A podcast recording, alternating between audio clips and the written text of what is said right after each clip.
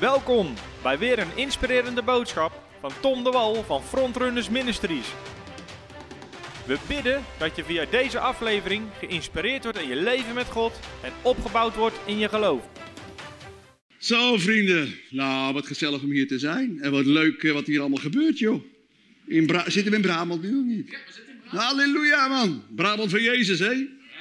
Amen. Ja, God is mooie dingen aan het doen in dit land. Ja toch? En dat moet ook, want vrienden, we hebben niet zoveel tijd meer. Ja, had ik niet gedacht, hè? Je denkt, nou, we zijn hier van tijd. Nee, zo werkt dat niet. Ik heb een mooie tekst voor u, daar moest ik aan denken. En uh, fijn, hè? Dat begint in uh, Romeinen 13. Romeinen 13. En dan lezen we vanaf vers 11. Romeinen 13 vanaf vers 11. Mooie tekst. En er staat, u moet niet vergeten in wat voor tijd wij leven. Daar begint het mee. U moet niet vergeten in wat voor tijd wij leven. Halleluja. Het is tijd om wakker te worden. Sta op. Mooi hè? Onze bevrijding is veel dichterbij dan toen we pas gelovig werden. De nacht is bijna voorbij en dan breekt de dag aan. Houd dus op wat het daglicht niet kan verdragen. En doe voortaan alleen maar wat gezien mag worden. Leef zuiver zoals het hoort en doe niet mee aan allerlei uitspattingen waarbij eten, drank en seks centraal staan. Maak geen ruzie, wees niet jaloers en laat je leven beheerst worden door de Heer Jezus Christus en geef niet toe aan verkeerde verlangens die bij je opkomen. Nou, lekker tekstje hè? Leuke binnenkomen, vind je niet? Zo, Herman komt ook even langs, halleluja.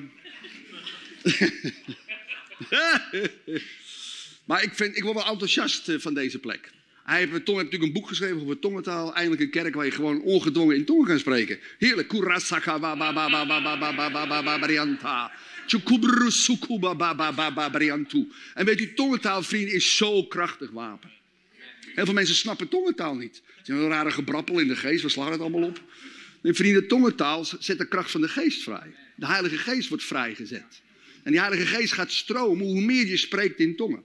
En weet je, in het begin is het altijd even, uh, uh, je denkt, wat een gedoe allemaal. Er zit altijd strijd om gebed, lofprijs, aanbidding, spreken in tongen. Er zit altijd strijd om. Het gaat niet vanzelf. Als het vanzelf ging, dan deed het wel met meer christenen, toch of niet? Ja, toch? Er zit strijd om. En u moet leren de strijd te leveren van gebed. En ook de tongentaal. Wanneer wordt het interessant? Zo'n tien minuten, zo'n kwartier. Dan wordt het pas interessant. Dus als u tien, tien minuten zo'n kwartier in tongen spreekt, dan merk je, oh, ik ga ergens doorheen. En vrienden, dat is wat je moet leren. En daar ga ik het vandaag ook over hebben. Het leger moet op gaan staan. We moeten een, een andere levensstijl gaan oppakken dan dat het was. Ja, vrienden, u zit echt in een bijzondere tijd, wij met z'n allen. En God gaat hele bijzondere dingen doen. Tenminste, als we mee gaan doen. Hij daagt ons uit. Hij zegt, jongens, kom op. Ah. Dus ik ga beginnen, we gaan dit stukje tekst even met z'n allen doornemen. Heb je een beetje zin in? Zo, u bent reuze enthousiast, man. Het raakt mijn hart. Ik moet het even verwerken. Man, man, man. Sommige groepen die verwelkomen je met zo'n enthousiasme. Oh, Heer. Mooi. Ik begin met deze handeling. Zult u zeggen waarom? Vrienden, het is belangrijk om onder het woord te zijn. Amen. Oh, dit wordt, dit wordt ook uitgezonden, geloof ik. Is dat niet grappig? Halleluja. Dit wordt nog opgenomen ook, zeg. Beetje oefenen voor de grote opname. Oké, nou. Halleluja. Wat fijn is dat, mensen. U moet niet vergeten in wat voor tijd wij leven. Romeinen 13, vers 11. Wat is het dan voor een tijd? Dit is de eindtijd. Dat betekent de tijd dat Jezus terugkomt. Openbaring 1, vers 7 spreekt erover. Hij komt op de wolken terug en iedereen zal hem zien. Jezus spreekt veel over die, uh, die eindtijd. En hoe weten we dat het de eindtijd is? Nou vrienden, uh, God schiep uh, deze uh, aarde en hemel in zes dagen. En op de zevende dag rustte hij. God schiep het licht en het was goed. En heel veel mensen denken, nou ja, oké, dat hij het licht maakte, oké, maar hij maakte dus ook het was goed. En ja, heel veel mensen weten dat niet. Dus u hoort allemaal nieuwe dingen vandaag. Daarna schiep je ook de vrouw, want iemand moet er was ophangen.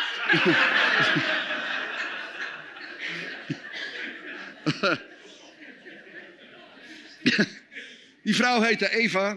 En je had ook nog een man, die was Adam. En Adam was 930 jaar geworden. Maar ja, hij had geen schoonmoeder, dan kan ik het ook. Oké. Maar dat even terzijde.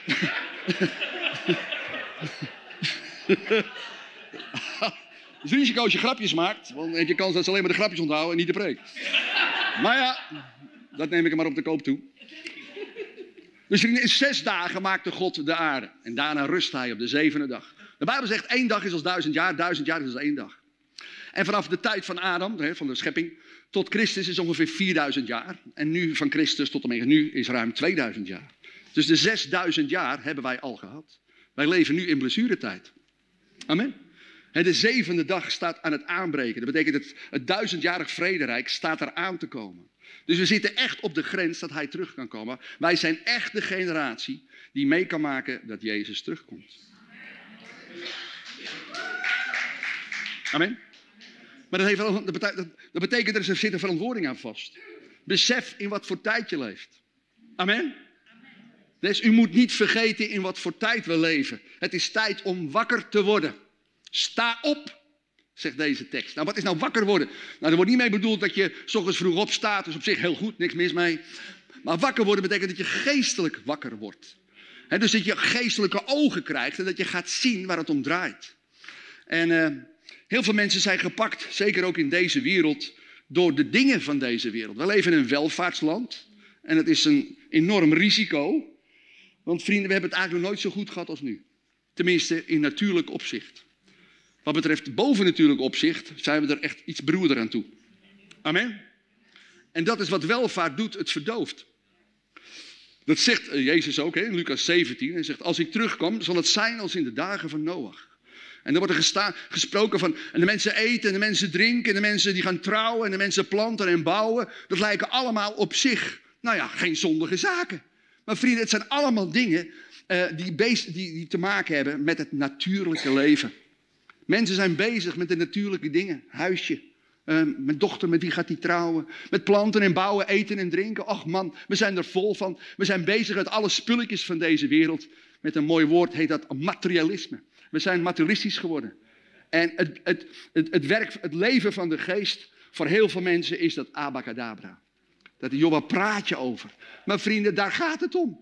Vrienden, alles wat deze wereld te bieden heeft, is tijdelijk. En de Bijbel zegt, alles wat tijdelijk is, gaat voorbij. Yes. Wij moeten ons bezighouden met de dingen die niet tijdelijk zijn, met de eeuwige zaken. Die blijven voor altijd. Amen. En dat zijn de onzichtbare zaken. Wat tijdelijk is, gaat voorbij. En wat niet eh, zichtbaar is, dat zal voor altijd meegaan. En daar moet je je mee bezighouden. En Colossense 3, vers 1 tot en met 3 spreekt erover. Jezus zegt, nu u bent opgestaan uit de dood. Daar zit christen en moeten zich bezighouden met hemelse zaken. Hè, met Christus die aan de rechterhand van God zit. En het volgende vers zegt, richt daarom uw gedachten op de dingen van de hemel en niet op die van de aarde. Hoor je dat? Je moet je gedachten richten op de dingen van de hemel en niet op die van de aarde. Maar de praktijk leert dat heel veel mensen alleen maar hun gedachten richten op de dingen van deze aarde. En daarom zegt Jezus ook, het zal zijn als in de dagen van Noach. Mensen zijn bezig met eten, met drinken, planten, bouwen en trouwen. Het lijkt allemaal leuk, vrienden, maar mensen zijn God kwijt. En het hele geestelijke leven zijn we kwijt.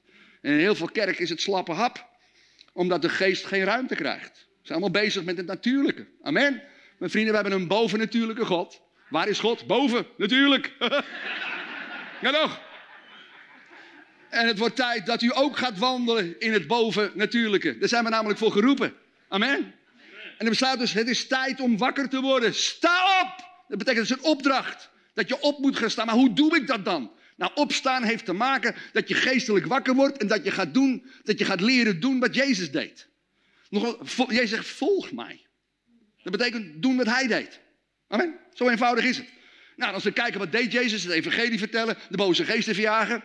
En hij deed de zieken genezen, spreken in tongen, spreekt ook over, hè? Marcus 16 wordt erover gesproken. Sommige mensen zeggen, nou, heb Jezus ooit in tongen gesproken? Hey, Jezus, een goede vraag. Ik, ik zie het nergens in de Bijbel. Nou vrienden, in Marcus 16 staat de opdracht. Zullen we die even samen lezen? Dat is even leuk. Marcus 16. Er staat de opdracht die God aan ons allemaal geeft. En uh, daar zien we een aantal, uh, een viertal zaken die van ons gevraagd worden. Dus we gaan even samen lezen. Marcus 16 vanaf vers 15. Trek de wereld in, zei hij tegen hen, en vertel aan de hele schepping het goede nieuws over mij. Wie het geloven en gedoopt worden, zullen gered worden, maar wie het niet geloven, zullen worden gestraft. Dus Jezus zegt, trek de wereld in. Vertel dat goede nieuws. Colossense 4, vers 5 en 6 spreekt erover. Gebruik elke gelegenheid om het goede nieuws door te geven. Dat is nogal wat, hè? Stel je voor dat we dat serieus zouden nemen.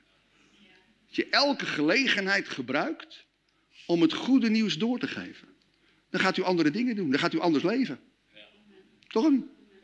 U kent wel de beroemde pakketdienst tegenwoordig. Hè? Wij bestellen bijna alles in pakketjes.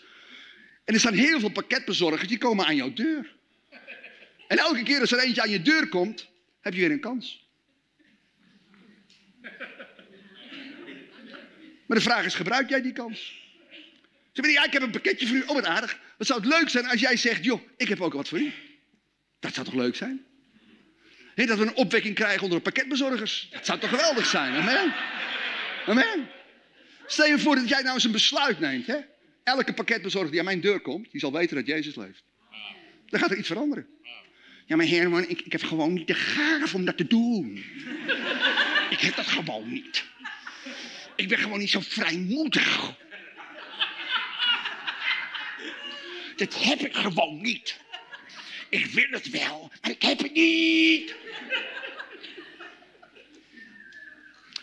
Nou vrienden, ik zal u het geheim vertellen van vrijmoedigheid. Dat betekent, u moet een leven opbouwen van woord en gebed. Niemand kan uit zichzelf christen zijn. Ik ook niet. Ik zal, ik je zeggen, als ik geen gebed, als ik de dag niet begin met de Heer, dan kan ik niks. Kan ik echt niks voor de Heer. Dus ik heb een besluit genomen in mijn leven. Ik begin altijd met God. Elke dag. Waar ik ook ben en wat ik ook doe. Altijd. En vrienden, dat is wat u moet doen. Weet je, heel veel mensen bereiken nooit iets omdat ze nooit een besluit nemen. Heel veel mensen horen alleen maar preekjes aan. oh, wat geweldig, leuk, heb je het ook gehoord? Ach man, prachtig.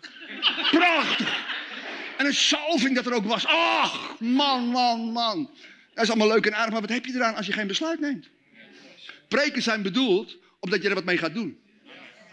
En een preker heeft alleen maar gepreekt als hij het volk oproept om iets te gaan doen. Anders heb je helemaal niet gepreekt. Dus als u er geen zin hebt om wat te doen, dan kan u nu nog weggaan. Maar ik ga u vanavond uitdagen om wat te gaan doen. Christenen veranderen niet omdat ze nooit een besluit nemen. Ze horen jaar in, week in, week uit preekjes aan. Ze doen er niks mee. En er gebeurt er dus ook niks. Waarom zeggen Job 22, vers 28? Wat je besluit, komt tot stand. Wat een prachtige tekst. Wat je besluit, komt tot stand. Dat is een diepe tekst, hè? Ja, moet je even over nadenken. Als jij een besluit neemt, oké, elke pakketbezorger zal weten dat Jezus leeft. Nee? Zodra de bel gaat, word jij wakker. Denk, oh, wacht even. Ja, een beetje zenuwachtig. Oh, heer, kurle, help mij. Zakarian, En vrienden, als je het zo lastig vindt om wat te zeggen, joh, geef dan een, een, een evangelisatiefolder. Geef dan iets. Ik bedoel, ik, ik, ik barst van die folders, ik maak ze ook. Dus als je zegt, nou, ik weet niet waar ik ze kan kopen, bij mij kun je ze kopen. Voor een paar stuivers kun je stapels aanschaffen. Echt waar. En dan heb je alleen nog maar de gave nodig van de uitgestrekte arm. That's all. Verder niet. Dus als die man weer een pakketje geeft, zegt, ik heb ook iets voor u. Alsjeblieft. Lees maar lekker. Dan hoor ik volgende keer wel wat u ervan vond. Joh, dan krijg je gesprekken met mensen. Ik heb al wat gesprekken aan de deur gehad. En weet je, dat begon met een besluit. Ik heb een besluit genomen. Iedereen die aan mijn deurbel zit, die zal weten. Ja, ja toch? Het begint altijd met een besluit. Die zal weten dat, dat Jezus leeft. Amen. Ik bedoel, het lukt niet altijd. Ik moet ook eerlijk zijn, het lukt niet altijd, maar meestal wel. Amen. Soms gebeurt het wel eens dat het even heel vlug en zo. Nou, Oké, goed, volgende keer. Maar vrienden, als je een besluit neemt, gaan dingen veranderen. Amen. En u verandert niet omdat u geen besluit neemt. Dat is echt zo. Zoveel mensen, wij, wij zijn groot gegroeid in, in, om, om een toehoorder te zijn in plaats van een deelnemer. We hebben, we hebben van die dominee hebben we een artiest gemaakt. En die moet een prachtige preek houden en die moet ons kietelen. En die moet, dat wij het fijn vinden, dan gaan we nog klappen ook. Oh, wat fijn. Je hebt zo heerlijk gesproken, die man. Oh, maar we doen er verder niks mee, vrienden. Dat is, heeft niks met christen zijn te maken. De Bijbel roept ons op het woord te horen en te doen. Amen. En het wordt tijd dat je het woord gaat doen. Dus deze avond gaat echt jouw leven veranderen. Tenminste, als je een besluit neemt. Amen. Yes. En ik heb het volgende geval. Er zijn zoveel mensen die van alles beloven. En die doen het niet. Oh, dat is helemaal heftig. Sommige mensen durven mij amper onder ogen te komen, want ik laat mensen altijd heel veel dingen beloven. En weet je waarom? Omdat ik het ga doen. Ik help je om te gaan doen wat je moet doen. Laat je ja, ja zijn en je nee, nee. Ik bedoel, niks moet. Maar als je je laat uitdagen en zegt ja, laat het dan ook gebeuren. Amen. Soms krijg je mailtjes van mensen. Herman, eh, een aantal jaren geleden heb ik een eh, belofte gemaakt. En uh, ik krijg een heel verhaal eromheen. Zie je, voor mij hoef je niet te verantwoorden. Zie je, maar leer te doen wat je zegt. Weet je, zoveel christenen zijn onbetrouwbaar. Lopen van alles te roepen en ze doen het niet. Jo, stop daarmee.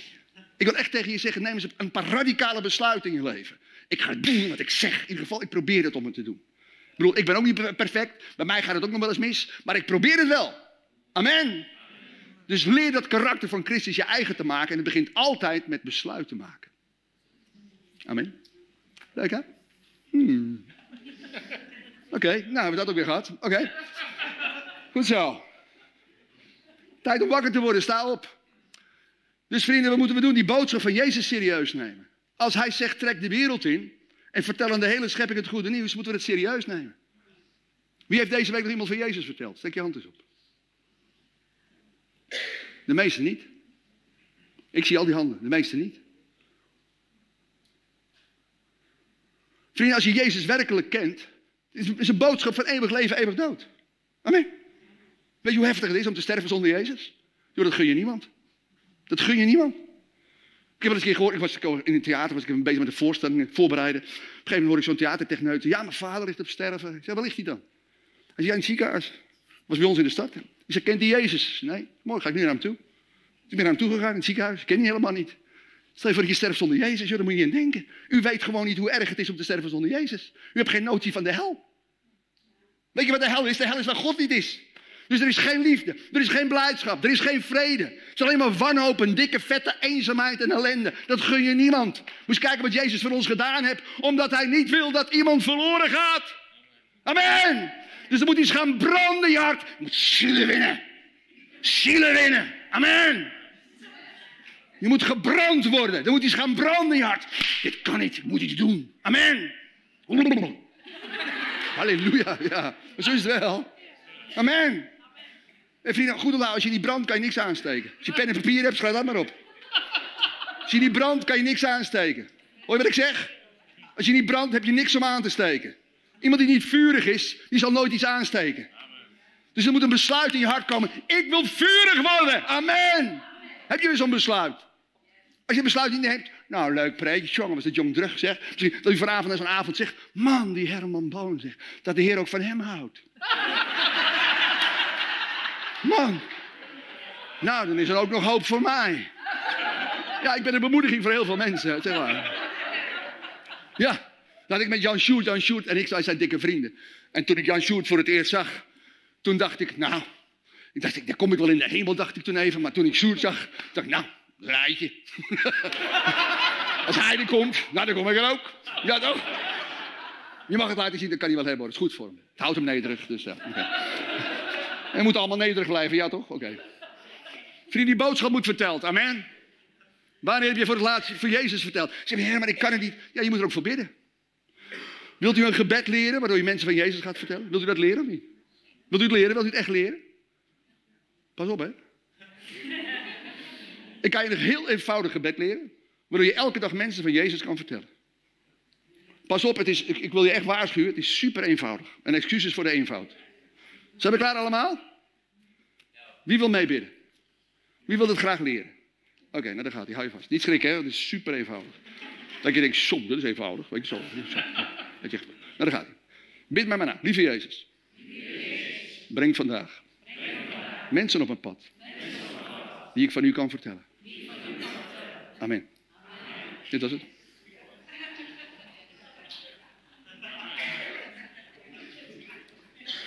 Dit is alles. Als jij zo de dag gaat beginnen, je brengt vandaag mensen op een pad die ik van u kan vertellen, dan gaan ze komen. Dan gaan ze echt komen. Opeens sta je met de bus te praten over Jezus. Ja toch? Opeens zit je bij, bij, een dokter te praten over je. Ik was laatst, een fiets aan het kopen, dat was zo grappig. Bij de, bij de fietsenboer. Meeste fietsen kopen bij de fietsenboer natuurlijk. Het is een beetje raar als je een fiets koopt bij de patatboer. En dat de patatboer fietsen gaat verkopen. Dan kan je dit goed die winkels omdraaien. Hebben ze waarschijnlijk ook gedaan, dat maakt niet uit. En, maar goed, en ik, ik koop zo mooie fiets bij die, bij die jongen. Ik zeg, joh, gefeliciteerd bij mij. Ze waarom? Ik zeg, nou, verjaardag vandaag. Hij zei, nou, dan moet je tracteren. Ik zeg, mooi, morgen kom ik terug. En ja, dan ga ik jou eens even lekker tracteren. Dus de dag erop kom ik terug met een hele grote taart. Met allemaal boekjes van het evangelie erbij. Slim, amen. Slim, amen.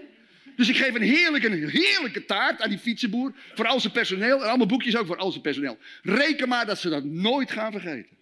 Dat gaan ze nooit. Weet je nog die vent die een taart gaf met allemaal boekjes erbij? Ja, dat weet je nog. Ja. En, uh, oh, en reken maar dat ze die boekjes ook gaan lezen. Wat is voor een kerel die er allemaal. Uh, ja, toch? Er gaat iets gebeuren, toch of niet?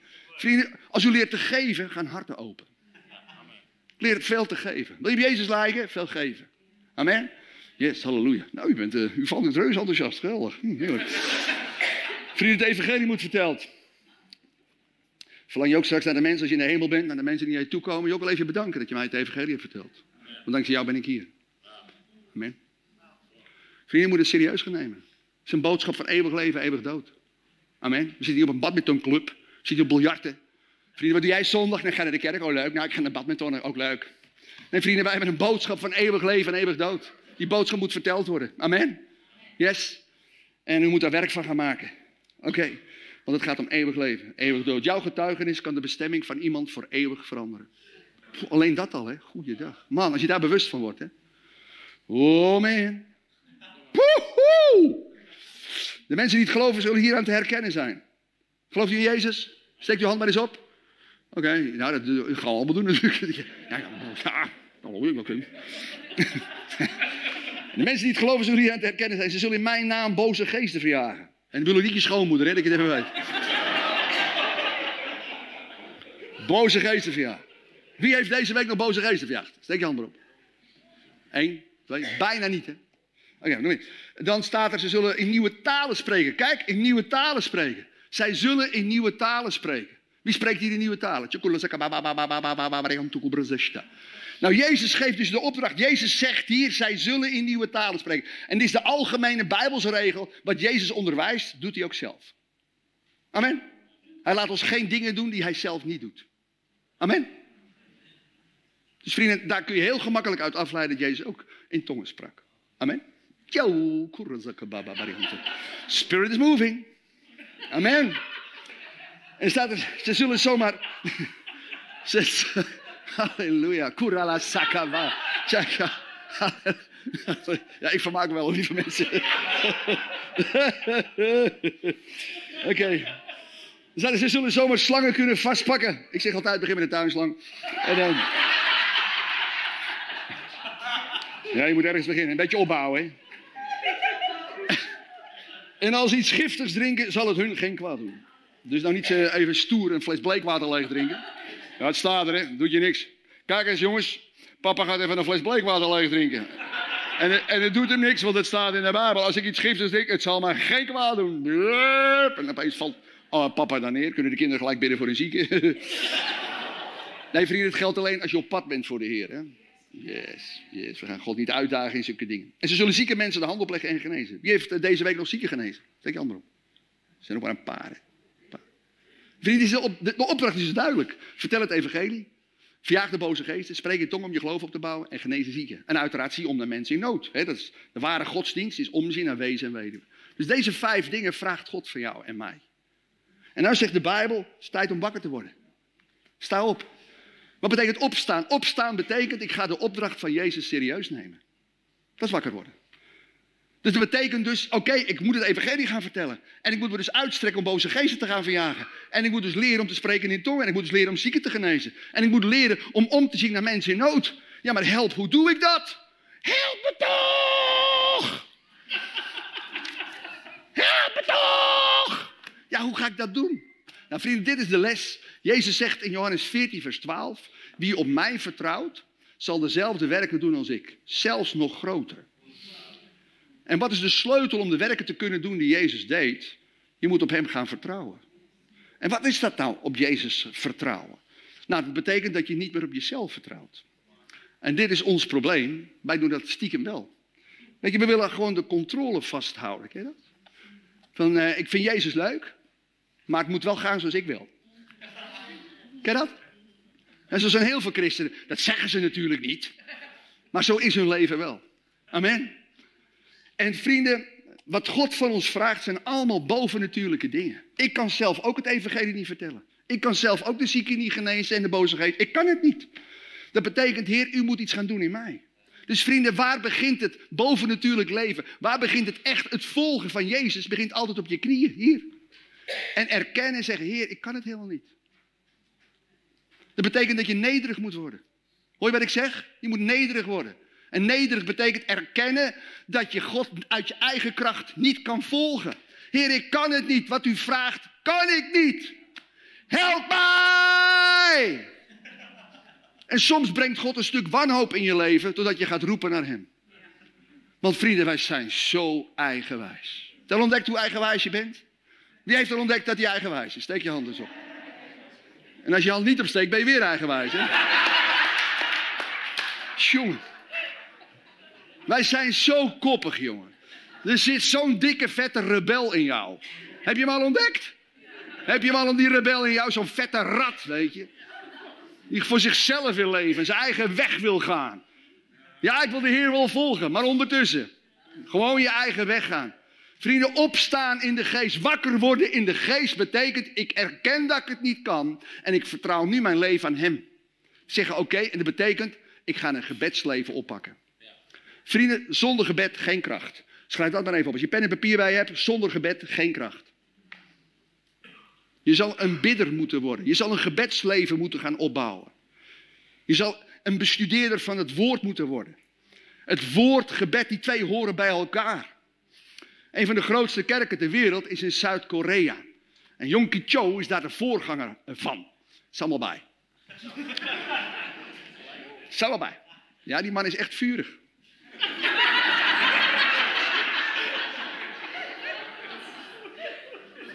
En wij weten inmiddels, zonder vuur steek je niks aan. Die is echt, weet je wat zijn filosofie is? De grootste kerk ter wereld. Er zijn bijna een miljoen mensen lid van die kerk. Een miljoen. hoe is het mogelijk? Dat een Aziatisch, ook nog een Aziatisch persoon. Hè? Azië, dat achter een beetje een land van de satéstokjes. En de, inderdaad de sambalbij. En uh, pingpong. Ja toch? Maar vrienden, daar is een Korea is op dit moment het meest christelijke land wat er is, Zuid-Korea. Terwijl Noord-Korea zo donker is. Dat zie je gelijk, de boze zit er bovenop. Maar ook Noord-Korea gaat veranderen hoor. En Zuid-Korea gaat een hele belangrijke rol in spelen. Maar wat leert Chonky Cho zijn leiders? Drie uur per dag bidden. Wil jij leider worden? Dan ga je drie uur per dag bidden. En toen werd het stil in Nederland. Wij vinden drie minuten al een gedoe. Amen. Vrienden, hier gaat geen opwekking komen als wij niet besluiten gaan nemen om er werkelijke bidders te worden. Amen. God te gaan zoeken met alles wat in je is. Wat is nou opstaan? Wat betekent dat nou geestelijk wakker worden? Betekent God aanroepen. En uh, op een radicale, krachtige manier. Zodat Hij zijn werk kan gaan doen in jou en mij. Vrienden, wij kunnen het zelf niet. Dat moet je gewoon erkennen. Ik kan het ook niet. Ik kan je een hand geven, joh, ik kan het zelf ook niet. Maar ik zal een bidder moeten worden. Zodat God zijn geest kan laten stromen in mijn leven. Amen. Dat betekent, ik moet een andere levensstijl oppakken. Ik moet veranderen, klaar. Het kan zo niet doorgaan. Amen. De levensstijl die je nu hebt, moet stoppen. Amen. Vindt u mij nog steeds leuk? U moet een andere levensstijl gaan oppakken. Amen. De eerste gemeente, handelingen, had drie, drie gebedsuren per dag. Heb je het weer? Daniel, in het Oude Testament, het geweldig gebruikt. Er waren vier heidense koningen die hij diende. En al die koningen vroegen: Daniel, wil jij mijn land regeren? Wow, dat is bijzonder. Stel je voor dat Mark Rutte mij belt. Hey Herman, ik heb mijn land regeren. Ik snap er niks meer van, joh. Dat zou toch geweldig zijn, toch of niet? Zou toch bijzonder zijn? Yes. Ik zou het trouwens niet erg vinden hoor, als je dat vraagt. Maar goed, dat is hij. Maar, vrienden, waarom werd Daniel nou gevraagd door vier heidense koningen om het land te regeren? Omdat hij een gebedsleven had. Drie, drie momenten per dag zocht hij God. Elke dag weer. In de ochtend, de middag en de avond. David werd geweldig gebruikt. Heeft een tabernakel opgezet waar 40 jaar lang, 24 uur per dag, de Heer werd aanbeden. Heb duizenden muzikanten en voorzangers heb je eh, in het leven geroepen om voortdurend de Heer te prijzen. Het koninkrijk van Israël is nooit zo groot geweest als onder zijn leiding. En wat is het geheim? Ook in Psalm 55, eh, daar zie je dat elke morgen, elke middag en elke avond zocht hij God. Het is normaal als je vaste uren van gebed hebt. Dat kennen wij helemaal niet. Vrienden, er moet een andere levensstijl komen. Sta op, zegt de Bijbel. Amen. Word wakker, word geestelijk wakker. Amen. Je moet een andere levensstijl gaan oppakken. Het kan zo niet langer. En dan staat er, onze bevrijding is veel dichterbij dan toen we pas gelovig werden. De nacht is bijna voorbij, de dag breekt aan. En de, en de dag dat Jezus terugkomt, die breekt aan, vrienden. Die is dichterbij dan je denkt. En hij komt als een dief in de nacht. Dus hij komt op een moment dat jij hem niet verwacht. Vrienden, ben jij klaar om Jezus te ontmoeten? Als je nu terugkomt, ben je dan klaar? Kan je me recht in de ogen kijken en je zeggen, oké heer, ik heb gedaan wat ik moest doen. Of zeg je, hmm, is een beetje, hij komt iets te vroeg. Oh. Amen. Ben je klaar om Jezus te ontmoeten? Hoe, hoe kan ik dan mezelf klaarmaken voor de dag dat hij terugkomt? Nou, dat doe je door een besluit te nemen om elke dag voor hem te leven. Als hij dan komt, is het geen verrassing. Amen. Ja, hier. Ja, ik was er al mee bezig. Halleluja. Houd dus op wat het daglicht niet kan verdragen. Doe voortaan alleen maar wat gezien mag worden. Wat doe jij stiekem? Wie ben jij als niemand kijkt? Heel veel mensen doen stiekeme dingen. Ook christenen. Stiekem. Die hebben een dubbel leven. Zondag dan lachen ze lief. Hallo. Gaat met jou? Nou goed. Maar thuis, op een bovenkamertje, doen ze heel andere dingen. Waarvan ze hopen dat het nooit aan het licht komt. Heel veel mensen kijken bijvoorbeeld stiekem porno. Of heel veel mensen zijn verslaafd aan een computer. Of ze zijn verslaafd aan een mobiel. Of ze zijn verslaafd aan eten. Of ze zijn verslaafd aan drank of aan drugs, of weet ik wat je aan verslaafd bent. Of aan geld. Of aan je werk. Of waar je ook aan verslaafd bent. er zijn zoveel verslaafden. En ook in de kerk. En weet hoe het komt? We hebben een welvaartsland. We hebben overvloed. En waar overvloed is, daar gaan mensen gekke dingen doen. Eigenlijk hebben we het te goed. Amen. Yes. Wat doe jij als niemand kijkt? Er is ooit een burgemeester in Huizen, die is ontslagen omdat de porno op zijn uh, computer was gevonden. Dan kun je makkelijk zeggen, nou wat een viespeuk die man. Maar vrienden, we zijn niet geroepen om te wijzen naar elkaar. We zijn geroepen om elkaar lief te hebben. En we zijn geroepen om niet een ander te oordelen, alleen jezelf. Je mag jezelf oordelen. En als jij even eerlijk wordt, zijn er ook dingen in jouw leven die je stiekem doet. Waarvan je eigenlijk weet, hmm, ik hoop niet dat het ooit aan het licht komt. Maar vrienden, ik ga iets verklappen. De Bijbel zegt dat alles aan het licht komt.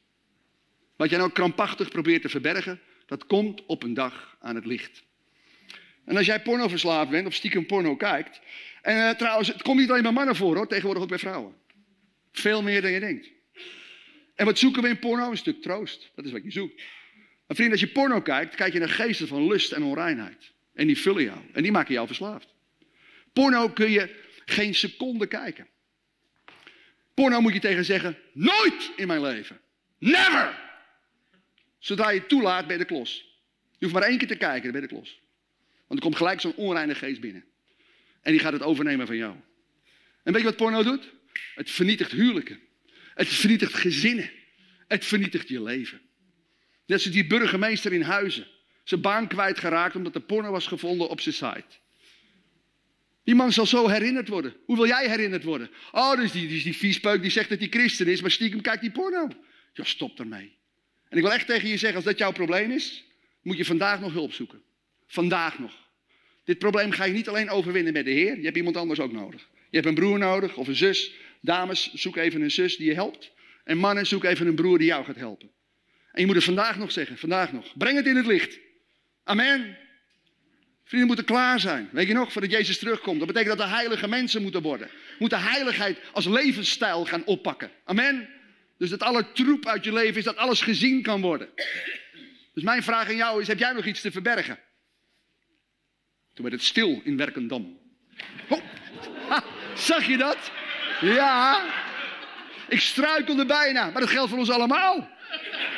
Ja toch? Dat geldt voor ons allemaal. Pas op dat je niet struikelt. De Heer wil je daarvoor behoeden. En eh, gelukkig was er een struikelengel die mij even hielp.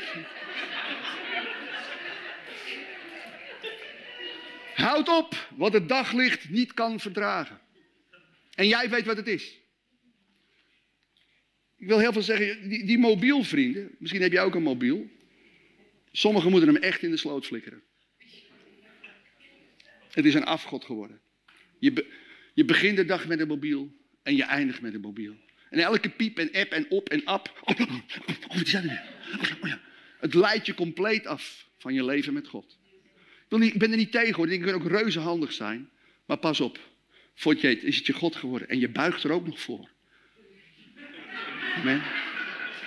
Deze hele wereld buigt voor de afgoden. En een van afgoden nummer één is gewoon een mobiel geworden. Mensen praten niet met elkaar. Moet je kijken, moet je kijken als je op straat kijkt. Alle mensen lopen zo. Vroeger keek je elkaar nog aan en zei hey, hoe is het met jou? Die tijd is helemaal voorbij. Hoe verdrietig is dat? Amen? En als je naar beneden kijkt, zie je niet de mensen om je heen. En wij moeten juist naar de mensen om ons heen kijken. Daar ben je namelijk voor geroepen. Amen? Er zijn meer mensen in nood dan jij denkt. Ik kwam eens een keer op een fietspad, was er, kwam ik een vrouw tegen. Haar scootmobiel stopte ermee. Dat betekent, je kan niet lopen en je zit in zo'n scootmobiel. Maar hoe verdrietig is dat als dat dingen niet doet? Ja, toch? En mensen lopen allemaal voorbij. Maar als jij met je mobiel loopt, dan zie je dat geen eens. Maar vrienden, ik hou ervan. Juist om, om me heen te kijken. Is er nog iemand die een beetje hulp kan gebruiken? Amen. En voor je het weet, is er iemand die jouw hulp kan gebruiken. Dus ik ben even gestopt bij die mevrouw. Ik heb een leuk gesprek gehad, uiteraard over de Heer. Hebben lekker gekletst met elkaar. Je kunt ook soms bidden voor zo'n ding, dat hij het even doet. Maar uh, ja, dat kan ook. Waarom niet? Uh, goed, dat kwam er even niet van. Ik weet ook niet waarom. Maar goed, ze hebben het even niet gehoord. en, uh, en die zoon kwam haar ophalen. Want een van haar kinderen die kwam haar even ophalen. Nou ja, goed, die heeft natuurlijk ook dat allemaal weer aangehoord. Tenminste, waarschijnlijk via moeder. Dus kortom, het was een heerlijke gelegenheid om even te laten zien dat je er wil zijn voor iemand. En joh, hoe heerlijk is dat? Stel je voor dat jij nood hebt. Dat iemand even bij je stopt en jou even helpt. Ja, toch? En als wij alleen maar op de ding kijken, zien wij de mensen om ons heen niet meer. En wij zijn geroepen om onze naaste lief te hebben. En een van de manieren om de naaste lief te hebben, is om oog te hebben voor de mensen om je heen. Ook vandaag. Amen. Ik ben blij dat u zo daar enthousiast op reageert. Vrienden, doe voortaan alleen maar wat gezien mag worden. Met andere woorden, pak een heilig leven op. Er komt een tijd dat de waarheid aan het licht wordt gebracht, zegt Matthäus 10, vers 26. Alle geheimen worden dan bekendgemaakt. Als je nu met een geheim leeft, weet je nu wat je moet doen. Breng het in het licht. Je moet ook denken aan eetproblemen. Zoveel vrouwen zitten met eetproblemen. Die eten, ze voelen zich niet geliefd, voelen zich afgewezen op de een of andere manier. Zijn misschien misbruikt of mishandeld. En ze, ze hunkeren naar liefde en dan gaan ze hun troost zoeken in eten. En dan proberen ze te eten en te eten en denken, ja, daar hoef je er even niet aan denken. Maar ja, het probleem wordt alleen maar groter en groter en groter en groter. Amen. En het lost niks op, het is een valse troost. Sommigen die eten en die gaan weer overgeven. Dat zijn de zogenaamde bulimia-mensen. Je hebt ook de anorexia-mensen. Die willen een bepaalde controle over hun leven hebben. Dan zeggen ze, nou, ik kijk niet meer dan dit. Dan heb ik in ieder geval een stukje controle. Maar joh, het is allemaal vals. Het slaat nergens op. Weet je, en je raakt vol met leugens van de Satan. Joh, word even eerlijk. En uh, laat mensen even op je leven inspreken. Zeg, joh, dat moet stoppen. Amen. Weet je, heel veel christenen hebben ook een correctiesyndroom. Als je even iets tegen ze zegt, hoe durf je dat tegen mij te zeggen? Ja, bepaal zelf hoe, uh, hoe ik mijn leven moet leiden, ja? Nou, ik wil echt tegen jongen, wees blij als iemand jou corrigeert. Dat wil ik echt tegen je zeggen. Ja, wees daar blij om. Yes, want we kunnen heel veel leren van elkaar. Ik weet niet of je het weet, maar we hebben allemaal blinde vlekken. Ik heb ze, dus jij hebt ze ook. Amen? En daarom hebben wij elkaar ook nodig. Om dingen tegen elkaar te kunnen zeggen. Hey, joh, wacht eens even, er klopt niks van joh. Sommige mensen zijn al jaren en jaren verslaafd en niemand die er wat van zegt. Het wordt tijd dat iemand er wel wat van zegt. Amen? Joh, je bent pornoverslaafd, kap ermee joh. Zo kan je de Heer toch niet dienen. Let goed op, als je een verslaving hebt, kom je nooit in autoriteit. Hoor je wat ik zeg? Als je een verslaving hebt, kom je nooit in de autoriteit die God jou wil geven. Amen? Als je vastzit aan verkeerde gewoontes, joh, dan kom je niet in de autoriteit die God voor je wil hebben. Ruim dingen op en vraag hulp. Dat is het gewoon. We zijn vaak eigenwijs en trots. Vraag hulp. Amen. Oké, fijn dat u zo hartelijk daarmee eens bent. Oké. Vrienden, leef zuiver zoals het hoort, zegt de Bijbel. Dus leef zuiver. Wat is het nou? Dat betekent dat je eerlijk bent. Wees gewoon eerlijk, ook over je fouten. Wees eerlijk over je zonden. Wees eerlijk over de dingen die je misdaan hebt. Weet je, we hebben allemaal een verleden. Toch of niet? En heel veel mensen zeggen, jij bent christen hoor. Het verleden is achter mij en de toekomst ligt voor mij. En zoals met Paulus kunnen zeggen, Heer, ik vergeet wat achter me ligt, strek me uit wat voor me ligt. Nou, er zit een hele krachtige kern van waarheid in. Maar vrienden, je bent wel verantwoordelijk voor je daden. En als je ooit in je oude leven iemand hebt gekwetst, of als je iemand pijn hebt gedaan, is het wel de bedoeling dat je dat even opruimt. Amen. Ik, kwam eens een keer, ik had ooit eens een keer als brugklas, dat was een 30-jarig jongetje, heb ik ooit een meisje in een bosje getrokken en heb ik dingen mee gedaan, had ik beter niet kunnen doen. Maar ja, ik heb het wel gedaan. Dan zeggen, ja, elke tiener doet wel eens wat. Ja, het kan wel wezen. Maar ik kwam dat meisje een keer tegen toen ze al, al moeder was, een paar kinderen aan de arm. En ik merkte dat ik dat meisje helemaal niet aan kon kijken. Dus ik denk, hier klopt iets niet. Maar ja, het, er zat iets tussen haar en mij in. Dus ik heb haar later opgebeld, dat meisje, ze heette Ineke. Ik zeg, Ineke, ken je mij nog? Zeg, ja, ik ken je nog. Oké, hmm, oké. Ik zeg, Ineke, weet je nog van het avontuur in dat bosje in de brugklas? Ze zei, ja, dat weet ik nog. Ik zeg, oké. Hmm. Ik zeg, joh, ik had dat nooit moeten doen, joh. Wil je mij vergeven? Ik had het gewoon nooit moeten doen. Ze zei, ja, ik wil je vergeven. Ik zei, dank je wel. En sindsdien kan ik Ineke recht in de ogen aankijken. Amen. Maar dat geldt voor jou ook. Als je ooit iemand gepest hebt, dan staat er tussen die pester en jou, of degene die jij gepest hebt en jou, er staat iets tussenin. Dan moet je opruimen. Amen. Heel veel mensen, willen Gods geest zien stromen, toch of niet? Ja, we, oh, we willen wonderen zien. Mijn vrienden, God wil heel wat anders zien. Hij wil dat ik een heilig leven oppakt. Wanneer gaat de geest stromen? Als je bereid bent om een heilig mens te worden. Als je bereid bent om je eigen leven onder ogen te zien. Om te erkennen, wacht eens even. Er zijn dingen in mijn leven die helemaal niet kloppen. En ik heb een verleden. Het wordt tijd dat ik dat eens goed ga opruimen. Je moet, denken even aan een, uh, was zo mooi, er was een man, een voorganger, en die, die beklaagde zich over de, de, de lamlendigheid van zijn kerk. Die was niet vooruit te branden. Nou ja, er zijn meer voorgangers, denk ik, die dat probleem wel kennen. En hij dacht, waarom is er toch geen, geen leven te bespeuren in mijn kerk? Iedereen die, als ik maar even iets te enthousiast ben, dan krijg ik allemaal tegengas. En mensen willen niet, en de een is koppig, en die ze hebben allemaal kritiek. En, nou, en toen hoorde die voorganger van een, andere voorganger, die had opwekking in zijn kerk. Dus als een speer ging hij erheen. Hij zegt, joh, mag ik eens veertien dagen bij je kijken hoe je dat doet? Hij zei, nou, je hebt geen veertien dagen nodig hoor. Nee joh, ik heb je één simpel advies. Wil je het horen of niet? Wil jij het ook horen of niet? Wil je dat simpel advies horen? Want we willen toch graag dat God in ons midden komt. Toen vertelde hij, heb jij een studeerkamertje? Ja, nou die moet je even een beetje leeg trekken. Dan moet je de deur achter je dicht doen. Dan moet je even een hele grote cirkel zo maken. En dan ga jij midden in die cirkel zitten.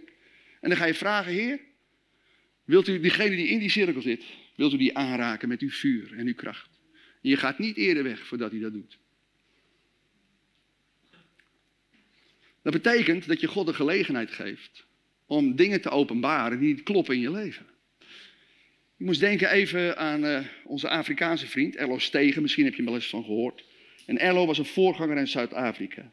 Hij had twaalf jaar gediend in Afrika in de jaren 50, 60.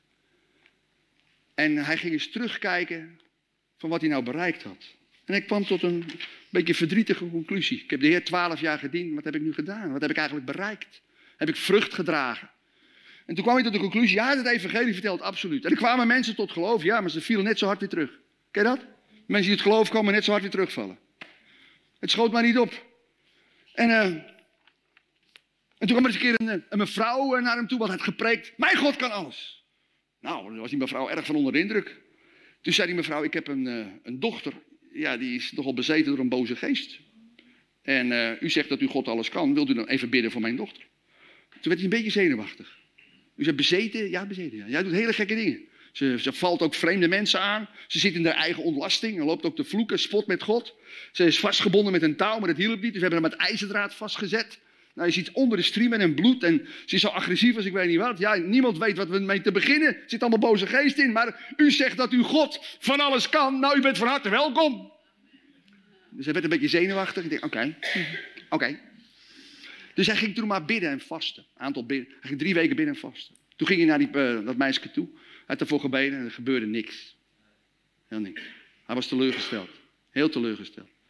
Toen kwam er een man naar hem toe, die was blind. Zeg, u God kan alles. Ja, ik ben blind. En kunt u even voor me bidden, zodat ik weer kan zien? Dus hij bad ervoor en de blinde blijft blind.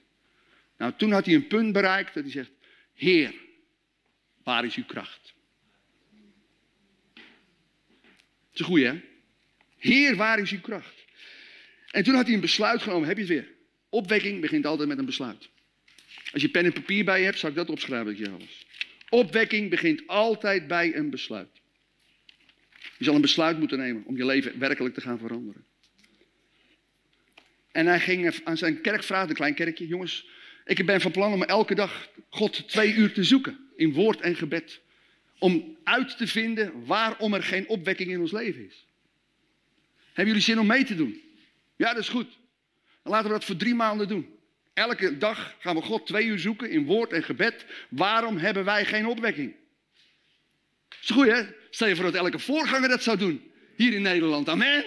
Oh, daar word ik wel enthousiast van. Amen. Vrienden, je moet bereid zijn je eigen leven te onderzoeken. Dat is echt zo. Opwekking begint niet bij een ander. Opwekking begint bij jou. Het begint bij jou.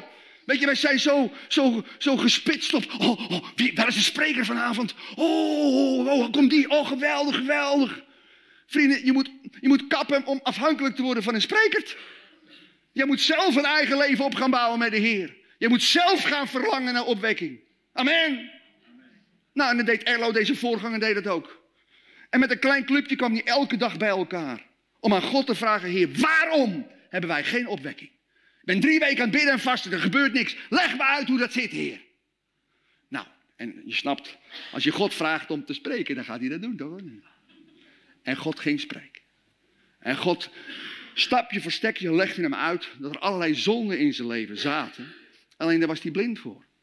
Bijvoorbeeld, hij moest een keer, eh, hij was uh, in Zuid-Afrika werkzaam onder de Zulus. Dat zijn uh, lekkere donkere mensen.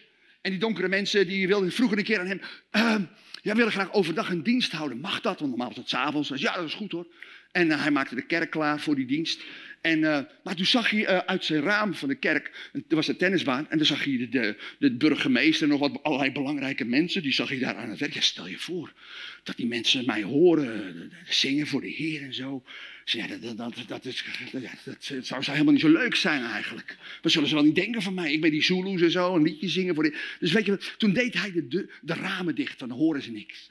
En op het moment toen hij dat deed, toen hoorde je stem, als jij het raam dicht doet, blijf ik buiten staan.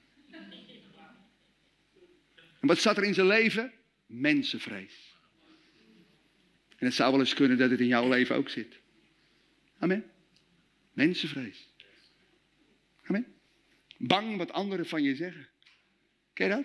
Ik ken dat wel hoor. Ik ben ook maar een mens, toch of niet? Ik denk dat iedereen het wel kent, toch of niet? Mensenvrees. Maar vrienden, als je mensenvrees hebt, kun je God niet dienen. Amen. Wat zegt de Bijbel in Spreuken 29, vers 25? Angst voor mensen spant een strik. Maar wie op de Heer vertrouwt, is onaantastbaar. Wat een tekst, halleluja. Amen. Dus zolang er nog mensenvrees in je leven zit, kan je God niet dienen. Man. En zo werden gaandere stapje voor stapje werden er allerlei dingen aan hem geopenbaard waar hij mee zat. Verkeerde gewoontes, uh, dingen die je stiekem doet. Uh, joh, je kunt zoveel dingen doen waarvan je niet bewust bent, maar waar eigenlijk niks van klopt. Nou, wat God wil is, hou je vast. Als je pen en papier bij je hebt, schrijf ze maar even op. God wil dat alle zonden aan het licht komen. God wil dat alle blinde vlekken in je leven aan het licht komen. Ik had bijvoorbeeld ook een blinde vlek. Ik, ik had gauw de neiging om me vaak snel te verdedigen. Als iemand iets tegen mij zei of, of iets van mij vond, had ik gelijk een weerwoord. En mijn kinderen zeiden als pap, dat moet je niet doen joh. Dat is helemaal niet nodig. En uiteindelijk hadden mijn kinderen helemaal gelijk. Ze hadden gewoon gelijk. Ik zeg, ik, moet, ik kan wat een ander van mij vindt. Ik ga mezelf ook niet verdedigen. Ik doe gewoon... Vandaag nog kreeg ik heel veel commentaar omdat ik een bepaalde boodschap had gebracht. En ja, dat kan ik nogal goed. En uh, een boodschap... Ja, een boodschap brengen waar mensen nog een beetje onrustig van worden. ja.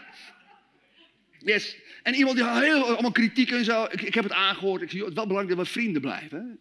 Oh ja, oké, oké. Dus ik heb maar een knuffel gegeven, dus oké. Zo, zo hebben we allemaal blinde vlekken. Jij hebt ze ook. Wat dacht je van, ik vind zo'n mooi voorbeeld van David. Weet je, David heeft overspel met de buurvrouw, weet je? Met de buurvrouw. En die leeft gewoon door. Die leeft gewoon alsof er niks aan de hand is. Ken je dat? Ik ben benieuwd hoe zijn stille tijd geweest is in die tijd. Nou, heer, daar ben ik weer. Dank u wel voor de buurvrouw, heer. Halleluja. Zo, dat is al lekker een meid, hè. Oh, zo, uh, tja. Dat was even bingo, hè. Halleluja. Nou, dank u wel, heer, daarvoor. Oké, nou, dan wil ik even bidden voor uh, de... Uh, bidden voor de tempel, heer. Dat alle muzikanten lekker bij stem zijn. En dat ze lekker u kunnen prijzen. Nou, dank u wel. Zegen deze dag. Amen.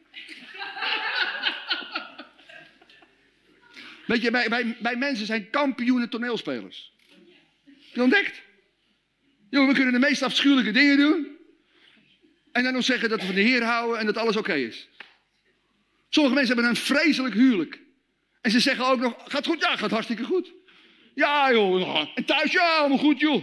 Ze, ze, liegen dan ze barsten. Van je huwelijk klopt helemaal niks. Vrienden, wij zijn kampioenen toneelspelen.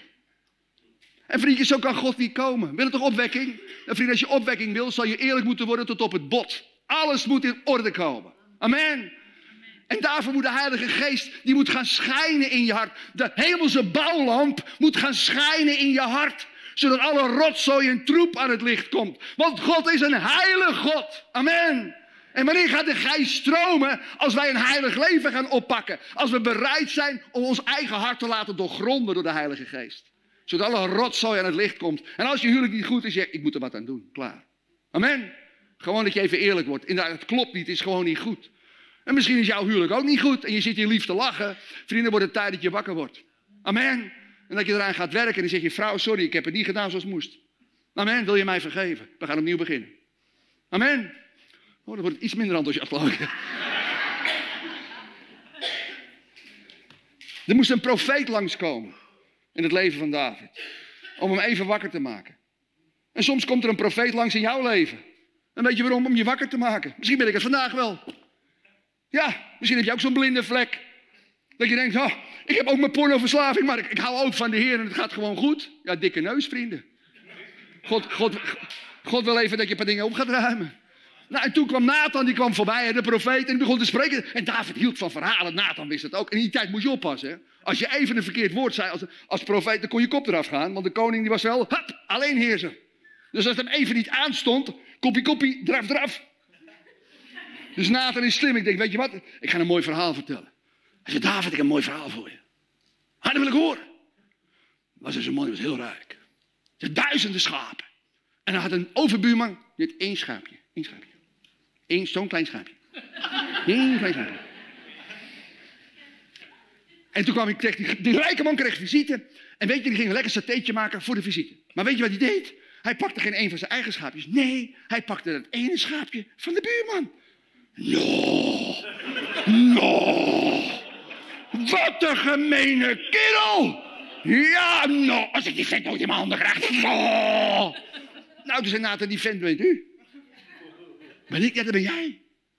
Je hebt namelijk de, je hebt de, buurvrouw gestolen. En je hebt ook nog eens een keer zijn, die, man van die buurvrouw heb je ook nog een keer laten vermoorden. Hoe heftig kan het zijn? Oh man. Soms moeten we geconfronteerd worden, vrienden. Gewoon blinde vlekken. En we hebben ze allemaal. Echt geen mens uitgezonderd. En wees bereid om je blinde vlekken even in het licht te brengen. Daar heb je ook anderen voor nodig. En als het een beetje gebeurt, laat het even toe. En laat maar, denk maar even na wat je gedaan hebt. En denk, oké, dit moet mijn leven uit. Amen. En gelukkig David nam een goed besluit. Dus Heer, vergeef mij, ik heb gezondigd. Amen. Dus vrienden, als je God werkelijk in je leven wil, zul je je zonde moeten beleiden. Zul je blinde vlek aan het licht moeten komen. Ook je angsten. Zoveel mensen zijn bang, joh. Bang voor van alles. Bang voor mensen. Bang om zichzelf te zijn. Bang wat anderen van hun vinden. Joh, breng je angsten ook bij God. Angst kan, je kan zo'n belemmering zijn in je leven. Word daar eerlijk over. En ga er ook over praten met mensen die je kunnen helpen. Denk aan al je verslavingen. Verkeerde motieven, egoïstische verlangens, boosheid, kritiek, bitterheid, verdriet, teleurstellingen. Ik had een keer een mevrouw met bidden en vasten. En die was een beetje kritisch over het werk van de geest. Die mensen bestaan, echt waar. En kritisch over het werk van de geest. En ze was voor het eerst zo'n zo mevrouw met een beetje PKN-achter, uh, uh, achtergrond. En, en die zag op al die mensen de geest bewegen. En ze dacht, wat is dit toch allemaal? Waar ben ik te beland en zo? En zag op spontaan gingen mensen ook lachen. Nou, dat vond ze ook allemaal niks en wat een gedoe allemaal. Maar het leuke was op dag acht of negen, toen pakte de Heilige Geest haar even. Ik had uit, wat mensen uitgenodigd door leren spreken in tongen. Zij zat er ook tussen. En toen kwam ze naar voren en de Heilige Geest raakte haar aan. Wat gebeurde? Ze moest spontaan lachen. Is dat niet leuk? Iemand die niet wil lachen en die gaat lachen. Oh, dat is, oh daar geniet ik zo van. Halleluja, dank u Heer. Daarom hoor ik bij u. Halleluja. Ha! Dat vind ik te gek. Ja, dat was zo leuk. En opeens was haar kritiek ook allemaal weg. Weet je, zat, in haar hart zat kritiek. Wat zit er in jouw hart? Je kan wel lief lachen, joh. Maar je kan wel kritiek hebben op je kerk of kritiek hebben op weet ik veel wie. Of misschien wel op je man of op je kinderen, weet ik veel. Weet je, kritiek rooft. Dan kan de geest niet wonen waar kritiek is. Amen. Dan moet je opruimen. Dus waar verkeerde gewoonten zijn, waar pijn is, onvergevingsgezindheid, eigenwijsheid, opstandigheid, relaties die niet goed zijn, vrienden, al die dingen moeten opgeruimd worden. En het duurde drie maanden. Die man werd helemaal ondersteboven gekeerd, die voorganger. Hij moest huilen, voortdurend huilen. Zei, Heer, vergeef mij, ik zondig. Het, zo ga ik het inderdaad niet redden. En hij werd verbroken. Hij werd verbroken door de geest. Weet je waar God woont? Bij de verbrokenen van hart. Jezaja 57, vers 15. Waar woont God? Bij de mensen die het niet meer weten. Bij de mensen die zeggen, Heer, ik kan het niet. Wilt u het alstublieft gaan doen in mij? Amen. Nou vrienden, er moet ook een stuk verbrokenheid komen in jou en in mijn leven. Amen. En je moet God de toestemming geven om eens even jouw hart te laten doorgronden. Die zegt, alle rotzooi en troep moet ook aan het licht in mijn leven. Wat gebeurde er na drie maanden? Toen stond er opeens een heks voor de deur. Een heks. Ja, in die, in, zeker in die stammen waar in Zuid-Afrika. Ja, dat dat heel normaal, heksen. Hè? Toverdokters, die zijn er heel normaal. Er stond dus gewoon zo'n tovermevrouw stond daar voor de deur. Dus hij doet open. Hij zegt, wat moet u? Ik wil Jezus leren kennen. Jezus leren kennen. Oké, oké. Nou, kom maar binnen dan. Dus ja, hij, dus die heks. En hij wist helemaal niet wat hij moest doen. Dus hij ging met zijn maatjes van de kenner, nou, laat hem maar een beetje zingen. Weet ook niet. Dus die heks in het midden, ze gaan de Heer prijzen. En op een gegeven moment krijgt hij in zijn hart om wat boze geesten aan te spreken. Dus hij spreekt een aantal boze geesten aan. En die vrouw, die wordt bevrijd, joh. Die wordt bevrijd. Goedemorgen. Man, man, man. Compleet veranderd. De hemel komt op een gezicht. Ik denk, wow, die is nooit meer hetzelfde. Even later staat er weer iemand voor de deur. Weer een heks. Precies hetzelfde. Je wordt ook gigantisch bevrijd. En, nou, en hij weet niet wat hem overkomt. En op dat moment breekt de opwekking uit. Vrienden, waar komt opwekking? Waar mensen bereid zijn zichzelf te vernederen. Waar mensen bereid zijn om hard te laten onderzoeken. En te zeggen, Heer, zo gaat het niet. U moet iets gaan doen in mijn leven. Amen. Vrienden, er moet een andere manier van leven komen. Dat betekent, je moet een nederig mens worden. En ga knielen voor God en zeggen, Heer, u moet iets gaan doen in mijn leven. En vrienden, als wij verlangen naar opwekking, dan verlangen we toch of niet? En toch? Ik wel hoor. En er gaat opwekking komen in dat land. Maar het, het kost een prijs. Ben jij bereid om die prijs te betalen? Amen. Of zeg je nou, ik eh, vind zo'n avondje leuk, maar verder niet. Jo, je bent vrij. Maar als je God werkelijk in je leven wil, dan zul je een gebedsleven moeten opbouwen. En zul je God de gelegenheid moeten geven om jouw hart te onderzoeken. En daarom ben ik zo enthousiast over bidden en vasten. Omdat dat plekken zijn waar je God de ruimte geeft om te zeggen: Oké, Heer, laat maar zien wat er niet klopt. En ik heb al zoveel mensen radicaal zien veranderen met die bidden- en vastenconferenties. En joh, ik ben ook maar een simpele ziel. En God heeft het mij gegeven en daar ben ik heel dankbaar voor. Maar het is wel een sleutel die God gegeven heeft om mensen tot opwekking te brengen. Om mensen tot vurige volgelingen van Christus te brengen. En ik heb al zoveel mensen daardoor zien veranderen. Dus ik wil jou ook uitdagen. Om weer eens te gaan bidden en vasten. Ja, maar Herman, ik heb het al een keer gedaan. Ik ga iets verklappen. Brandt het vuur in, eh, van God in jou? Zolang het vuur nog niet brandt, moet je heen. En net zo lang, misschien moet je wel tien keer heen. Voordat het vuur echt gaat branden. Want wij denken, ah, ik doe het één keer, nou ik weet wat het is, dat was het. Nee vrienden, zo werkt het niet. Vrienden, er zit vaak heel veel troep en pijn in ons leven. En wij willen alles in één keer opgelost en zo werkt dat niet. Soms moet je heel vaak heen. Ik eh, doe het al meer dan 50 keer. En ik kan nog zeggen dat ik God nog steeds heel hard nodig heb. Elke keer heb ik weer nodig om mezelf te moeten vernederen voor Hem. Zeg, Heer, ik kan het niet. Wilt u me alstublieft helpen? Amen? Yes? Zodat, maar ik, ik, ik ben wel verlangend. Ik wil wel verlangen dat dat vuur gaat toenemen. En ik, heb, en ik heb een doel. Dit land gaat tot Jezus komen. De dag gaat komen dat dit land buigt voor koning Jezus. Het gaat absoluut komen. En er zal een volk op gaan staan dat zegt: We willen niet dat halfbakken christen zijn niet meer. We gaan ervoor. We gaan opstaan. Dat geestelijke leven gaan we oppakken. Waar Jezus over praat. Dus vrienden, leef zuiver. Ruim je rommel op in je leven. Alles, maar dan ook alles. Doe niet mee met allerlei uitspattingen waarbij eten, drank en seks centraal staan. En helaas in heel veel mensenlevens staan eten, drank en seks wel centraal. En vaak is dat buitensporig. Maak geen ruzie. Wees niet jaloers. Een onderzoek in Nederland heeft aangetoond dat 47% van de Nederlanders heeft ruzie met een of ander familielid. Ben jij er ook een van? Als jij ruzie hebt met een familielid, wordt het tijd dat je het goed gaat maken. Zoek hem op. Ik heb eens een keer een man gehad met bidden en vasten. Die had 26 jaar zijn zuster niet gezien. Hij had erop gebeld, het was in één keer goed. Ik heb een man gehad, die kwam met bidden en vasten, was 40 jaar verslaafd aan porno. Heftig hè, 40 jaar. 40 jaar verslaafd aan porno. Had ruzie met zijn vader, zag hem niet meer. Maar wat gebeurt? Die jongen die wordt bevrijd van, van allerlei onreine geesten.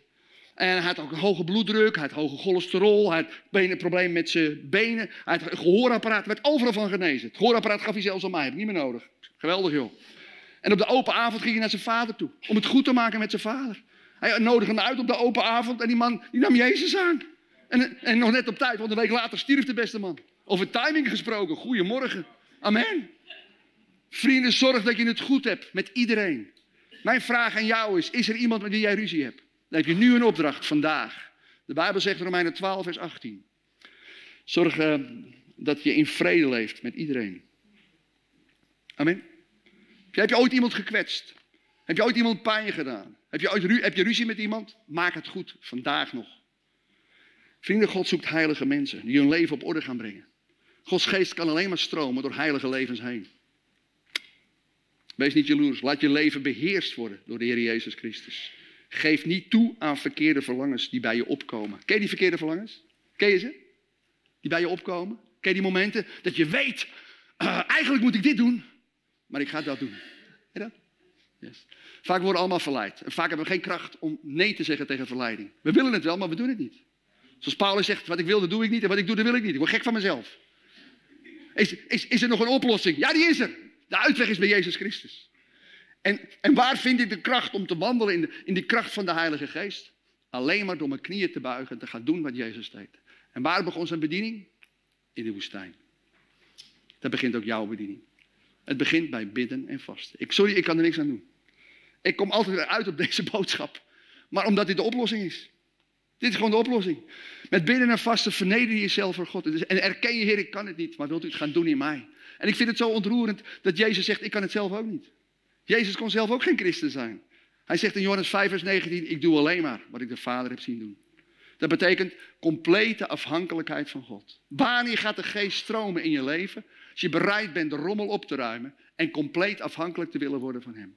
Dat denkt met een mooi woordje kruis oppakken. Het gaat niet meer om wat jij wil. Het gaat erom wat God wil. En dat is makkelijker gezegd dan gedaan. En hoe maak je dat praktisch? Door te gaan bidden en vasten. Dus vrienden, die conferenties doe ik vier keer per jaar. En ik blijf ze net zo lang doen tot dit land op zijn kop staat. Amen. Dan weet u voorlopig wat ik doe. Amen. Omdat ik weet dat dat een sleutel is die God geeft om dit volk weer wakker te maken. Amen. Ja, zodat je ogen weer open gaan voor het echte leven. Het echte leven met Hem. Amen. En vrienden, uh, dus God daagt je ook vandaag uit. Je moet even stil worden gaan bidden. Ik heb genoeg gezegd. Dank u, Jezus. Heer, ik wil u danken voor mijn lieve broers en zussen. Heer, we willen zo graag u volgen. We willen zo graag de dingen doen die u ons voordeed. Heer, maar dat kunnen we niet in eigen kracht. We zijn zwak. De geest is gewillig, maar het vlees is zwak. Maar Heer, gelukkig geeft u ons een middel om u wel te kunnen volgen. U begon uw bediening in de woestijn. Je terugtrekken. Alleen met God. Bidden. God zoeken. Alles wat in je is. En even niet eten. Zodat je je kunt richten op de bovennatuurlijke zaken. In plaats van de natuurlijke. Ook wij hebben het voortdurend nodig. Om ons weer te vernederen voor u. U zegt in uw woord in 2 Kronieken 7 vers 14. Waar mijn volk zich vernedert. En waar mijn volk weer gaat bidden. Als mijn volk mijn aangezicht gaat zoeken. En breekt met zonde. Dan zal ik horen uit de hemel dan zal ik de zonde vergeven en het land herstellen. Waar komt herstel? Daar waar wij ons vernederen. En de beste manier om dat te doen is door te vasten. Waar komt herstel? Waar gebeden wordt. Waar Gods aangezicht wordt gezocht. Dat betekent verlangen naar een ontmoeting met God. En breekt met zonde. Als je breekt met zonde, dan kan God komen met zijn Heilige Geest. Heer, we hebben het voortdurend nodig om ons klein te maken voor u, zodat u groot kan worden in ons. Geef ons weer een diep verlangen, Heer, om u te zoeken. Om ook te gaan bidden en vasten. Dus ik wil je uitdagen. De eerstvolgende is uh, hier vlakbij trouwens, in Oud-Beierland, in oktober. Dus redelijk in de buurt. Je moet even aan God vragen, Heer, moet ik dat doen? Moet je aan God vragen, moet je mij vragen, moet je aan God vragen. Heer, is het ook voor mij? En als jij het idee hebt, ja, ik moet, dat, uh, ik moet het ook weer doen. Misschien voor de zoveelste keer, of misschien voor de eerste keer. Dan wil ik je van harte uitdagen. Zeggen, ja, ik ga het leven weer oppakken. Zodat Gods kracht, Gods geest zijn werk weer kan doen in mij. En als je dat echt wil, mag je nu gaan staan.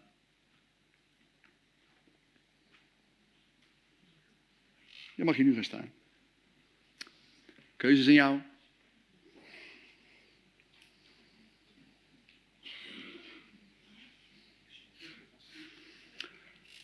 Yes. En uh, wat uh, Tom hier begonnen is, daar ben ik super enthousiast over. Vrienden, laat je trainen. Ga naar die cursussen, ga naar die bijbelschool. Kan ik echt tegen je zeggen, moet je doen joh. We hebben het allemaal nodig om getraind te worden. Amen. Word discipelen. Amen. Dus ik vind het te gek dat hij dat begonnen is. Dus uh, Tom, dank je wel, te gek man. Dat is echt te gek. Er moeten meer mensen van komen die dat gaan doen. We hebben allemaal nodig om getraind te worden. Ik zelf ook heb een gebedsschool. Als je wil leren bidden, joh, ga je melden bij de gebedsschool. In augustus weer een open dag. Uh, kun je drie maanden, kun je fulltime leren bidden. En we hebben het nodig dat mensen weer het gebed op gaan pakken. Yes. We hebben ook een, een bijbelschool waar we kinderen en tienerwerkers trainen. Zodat je een hart krijgt voor tieners en kinderen. Joh, er is zoveel nood in deze wereld. Laat je trainen en uitzenden en uitschieten in deze wereld. Dus uh, de folders liggen allemaal, uh, van binnen en vasten liggen allemaal in de gang. Dus die kun je gewoon meenemen. We gaan bidden voor degene die staan. Je mag mij nabidden. Lieve Jezus, dank u wel Heer, dat u van mij houdt. U hebt mooie plannen voor mij. Wilt u mij helpen? U te volgen. Ik kies ervoor om te gaan bidden en vasten. Een van de conferenties het komend seizoen. Wilt u me laten zien welke ik moet doen? En dank u wel, Heer. U gaat mij helpen om een bovennatuurlijk leven op te pakken. Zodat het vuur van God ook gaat branden. In mijn hart. Opdat mensen de hemel zullen, uh, binnen zullen komen. Door mijn leven. Ik spreek uit. Ik ga tot mijn bestemming komen. Ik ga doen waar God mij voor gemaakt heeft. Het evangelie vertellen. De boze geesten verjagen. Spreken in tongen om een geloof op te bouwen. De zieken genezen. En omzien naar mensen in nood. O Heer, maak mij. Zoals u, Heer. Heer, ik kan het zelf niet.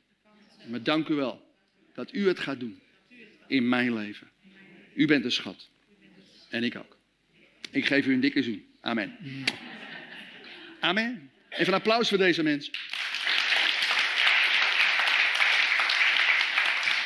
En ik ga ook bidden voor. U mag weer gaan zitten. Want het wordt stoer van u, meneer, dat u bent gaan staan. Wat geweldig. Halleluja.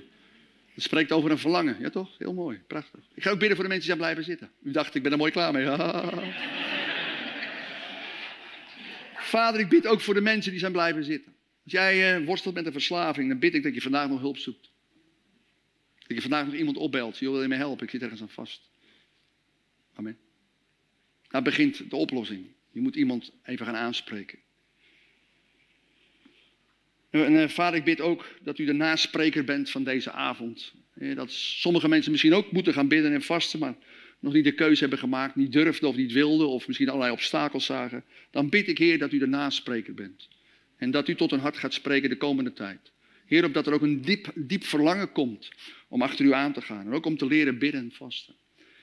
Heer, uh, ik bid een zegen over een ieder die hier is. En ik proclameer over jouw leven dat je tot je bestemming gaat komen. En dat je een leven gaat oppakken waar God heel blij mee is. En hij wil je helpen. Je hoeft het niet te doen in eigen kracht. Vraag het aan hem. Dan gaat hij je de weg laten zien die je mag gaan. En dat is een geweldige weg. En weet, er is niemand die zo van je houdt als hij. Hij is stapelgek op jou. Waarom kunnen wij radicaal kiezen voor Jezus? Omdat hij radicaal gekozen heeft voor ons. Amen. Kijk maar naar het kruis. Daar kun je zien hoeveel hij van je houdt. Hij heeft er alles voor over om jouw hart te winnen. Amen. En daarom laat je hart winnen door hem. Laat je grijpen door zijn liefde. Zodat je als een, de brand weer achter hem aangaat. Amen. En zo wil ik je zegenen. En ik proclameer ook over Brabant. Vader, ik bid voor een doorbraak in deze provincie. Dat uw geest gaat waaien als nooit tevoren. Ik bid voor een ongekend aantal nieuwe gemeentes in deze provincie. Vader, wilt u mensen op laten staan die verlangend worden om overal gemeentes te stichten. Hier in de provincie Brabant. Opdat ook Brabant zal weten dat u werkelijk leeft. Oh Heer, roep de mensen. Roep de mensen die hongerig zijn, die verlangend zijn om te branden voor u. Zodat ook uh, Brabant in vuur en vlam mag komen voor uw koninkrijk. En ik proclameer, de komende jaren gaan heel veel mensen uit Brabant Jezus leren kennen. Oh Heer, we zien er naar uit. En maak ons vurig, opdat uw vuur ook zal branden door ons leven heen. Opdat we velen zullen aansteken. Want iedereen moet weten dat Jezus leeft. Halleluja. Amen. Amen. Hallo, Tom de Wol hier en bedankt dat je weer geluisterd hebt naar onze podcast. Ik bid dat het je geloof gebouwd heeft en je bemoedigd bent. Als je niet alleen een luisteraar van onze boodschap wil zijn, maar ook een verspreider daarvan, wil ik je uitnodigen om partner te worden van Frontrunners. Door jouw maandelijkse donatie help je ons om dit evangelie van Jezus Christus en het woord van God over heel de aarde te brengen. Om partner te worden, ga naar www.frontrunnersministries.nl slash partners en word partner. Hartelijk bedankt en tot snel. Heb je ook zo genoten van deze inspirerende boodschap van Tom de Wal? Abonneer je dan op deze podcast. Volg ons op Facebook en op Instagram en kijk op onze website frontrunnersministries.nl.